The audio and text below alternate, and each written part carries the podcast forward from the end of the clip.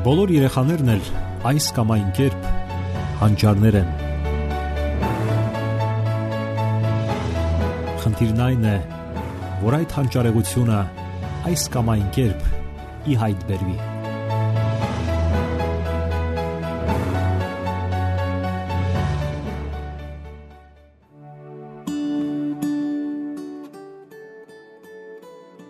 Բարև ձեզ, սիրելի ռադիո լսողներ։ Եթերում դասերակցություն հաղորդաշարն է։ Դեռահասները շատ անկանխատեսելի են այդ տարիքում՝ բուրն ու մոլեգին։ Նրանք կարող են ուրախանալ ու հրճվել եւ մի փոքր անց տրտմել ու հուսահատվել։ Կարող են սիրել եւ նույնքան արագ էլ հիասթափվել։ Այդ տարիքում նրանք դառնում են ուժեղ եւ միևնույն ժամանակ շատ խոցելի։ Դեռահասները սիրելի ու հրաշալի եւ միևնույն ժամանակ այնքան դժվար ու բարդ իրենց հակասականության մեջ։ Նրանց իսկապես դժվար է հասկանալն ու համբերելը։ Դա կհասկանան միայն նրանք, ովքեր ունեցել են այդ տարիքի երեխաներ եւ նրանց հետ միասին անցել բազմաթիվ դժվարությունների միջով։ Ունեցել են վեճեր ու տարաձայնություններ, բարդ քննարկումներ, համերաշխության եւ խաղաղության հրաշալի ժամեր եւ դրան զուգահեռ համբերության կորստի եւ զայրույթի նոպաներ եւ այնուամենայնիվ ժամանակն անցնում է։ Նրանք մեծանում են եւ թևակողում տարիքային մի այլ փուլ երիտասարդության եւ հասունության փուլը։ Եվ շատ կարեւոր է, որ այդ բարդ ժամանակաշրջանը նրանք անցնեն խելացի եւ գիտակից ըմբռնող ծնողների սիրո եւ հսկողության միջով Կարևոր է, որ նրանք առանց վերքերի եւ տհաճ հիշողությունների անցնեն այդ հրաշալի ժամանակաշրջանը, աշխարհանկալման, հայացքների ձևավորման, մարդկային ճանաչողությունների ու աշխարհի հանդեպ լավատեսական հայացքների այդ հակասական փուլը, երբ նրանց լավատեսությունը քայլ առ քայլ ճաքեր է տալիս, որովհետև ճանաչում են աշխարհը իր ողջ բարդության մեջ եւ տեղի է ունենում խմորումների ու ձևավորման մի բարդ գործընթաց իսկ մինչ այդ նրանց հարկավոր է միայն ու միայն հասկանալ։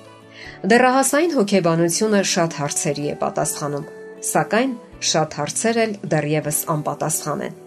Օրինակ, ինչն է պատճառը այն տագնապների ու վախերի բռնկումների, որ զգում են բոլոր պատանիները։ Այդպիսի վախ չեն զգում ոչ երեխաները եւ ոչ էլ մեծահասակները։ Դրա պատճառը ուղեղի զարգացման առանձնահատկությունների մեջ է եւ նրանք բավականաչափ ժամանակ են կորցնում այն բանի վրա, որ սովոր են չվախենալ հասկանալ կյանքը իր ողջ բազմազանության մեջ եւ իրենց դերը այդ ամենի մեջ։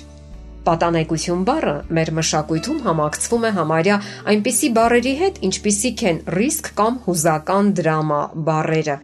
եւ բոլորը հիշում են, թե ինչքան տարօրինակ վարքագիծ ունեն նրանք։ Հարցն այն է, որ տարիների հետ նրանք սկսում են լուծել մի շարք հուզական եւ սոցիալական հիմնախնդիրներ։ Դրանց թվին են պատկանում ծնողներից բաժանվելու վախը, դեռահասների մեջ իրենց տեղը նվաճելը եւ ի վերջո գիտակցումն այն բանի, թե վերջապես ով են իրենք Եվ բոլորովին էլ կարիք չկա լինելու մասնագետ, որpիսի հասկանանք, թե ինչքան կարևոր հարցեր են սրանք դեռահասների համար։ Ահա թե ինչ են գրում մասնագետները։ Վարքագծային պարադոքսը օգնում է հասկանալու, թե ինչու են թինեյջերները այդքան հակված վնաս պատճառելու իրենց եւ ուրիշներին։ Նրանց աշխարհում 3 ճշնամիներ գոյություն ունեն՝ դժբախտ դեպքերը, սպանություն եւ ինքնասպանություն Ուսումնասիրություններից ողջվում է, որ ուղեղի տարբեր բաժիններ զարգանում են տարբեր արագությամբ։ Օրինակ, վախի մշակման համար պատասխանատու բաժինը նշաձև մարմինը այդ առումով բավականին գերազանցում է հարճակատային կեղևին, որը պատասխանատու է դատողության եւ հսկողության ֆունկցիայի համար։ Դա նշանակում է, որ դեռահասները ունեն այնպիսի ուղեղ, որն օժտված է տագնապը զգալու բարձր ընտունակությամբ եւ միևնույն ժամանակ այնքան լավ չի զարգացած, երբ հարցը վերաբերվում է ինքնահանգստացմանը եւ տհաճ մտքերը գիտակցաբար կանգնեցնելուն։ Այստեղ տրամաբանական հարց է առաջանում։ Եթե դեռահասները այդքան վախվորած են, ապա ինչու են ամբողջ ժամանակ նորանոր զգացումներ փնտրում եւ ամենից շատ են սիրում ռիսկերի դիմել։ Այս երկու պատկերացումները հակասում են միմյանց։ Պատասխանը այն է, որ բավականության կենտրոնը, ինչպես եւ վախերի մշակման համար պատասխանատու հատվածը, զարգանում են ավելի վաղ, քան հարճակատային կեղևը։ Վարքագծային այդ պարադոքսը օգնում է բացատրելու, թե ինչու են դեռահասները հակված վնաս պատճառելու իրենց, նաև ուրիշներին։ Հասկանալի է, որ բոլոր դեռահասների մոտ չէ, որ ի վերջո զարգանում են նյարդային հիմնախնդիրներ։ Նրանք ի վերջո սովորում են հաղթահարել այդ վախերը, եւ դա ավարտվում է 25 տարեկանին մոտ սակայն որոշների մոտ զարգանում են վարքագծային հիմնախնդիրներ։ Նրանց թիվը կազմում է մոտավորապես 20%։ Պատկերացրեք այսպիսի իրավիճակ. Դուք քայլում եք անտառով։ Հանկարծ ձեր ոտքերի տակ օս եք նկատում։ Ձեր օրգանիզմը ակնթարթորեն ադրենալին է արտադրում։ Դուք ավելի ուրախadir եք նայում եւ հասկանում, որ ձեր ոտքերի տակ ընդհանրապես օսի նման փայտ է։ Այստեղ արդեն աշխատում է ձեր ուղեղի տրամաբանական հատվածը։ Այս մեխանիզմը երկկողմանի երթևեկությամբ փողոց է հիշեցնում։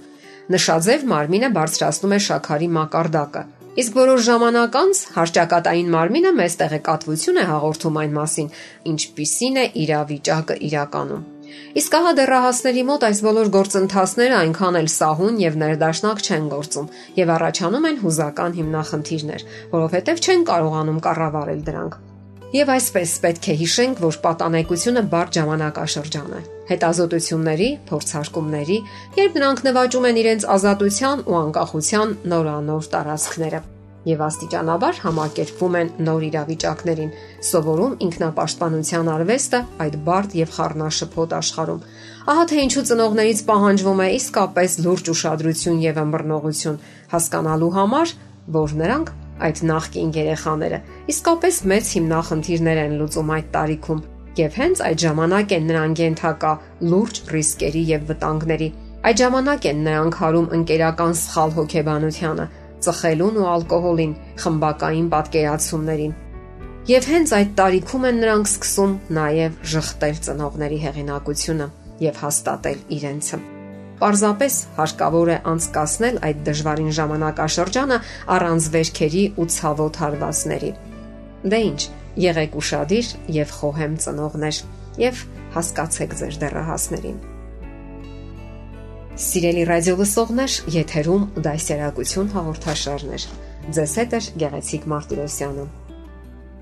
Ձեզ ուզող հարցերի համար կարող եք զանգահարել 093 00 6327 կամ 094 93 55 77 հեռախոսահամարներով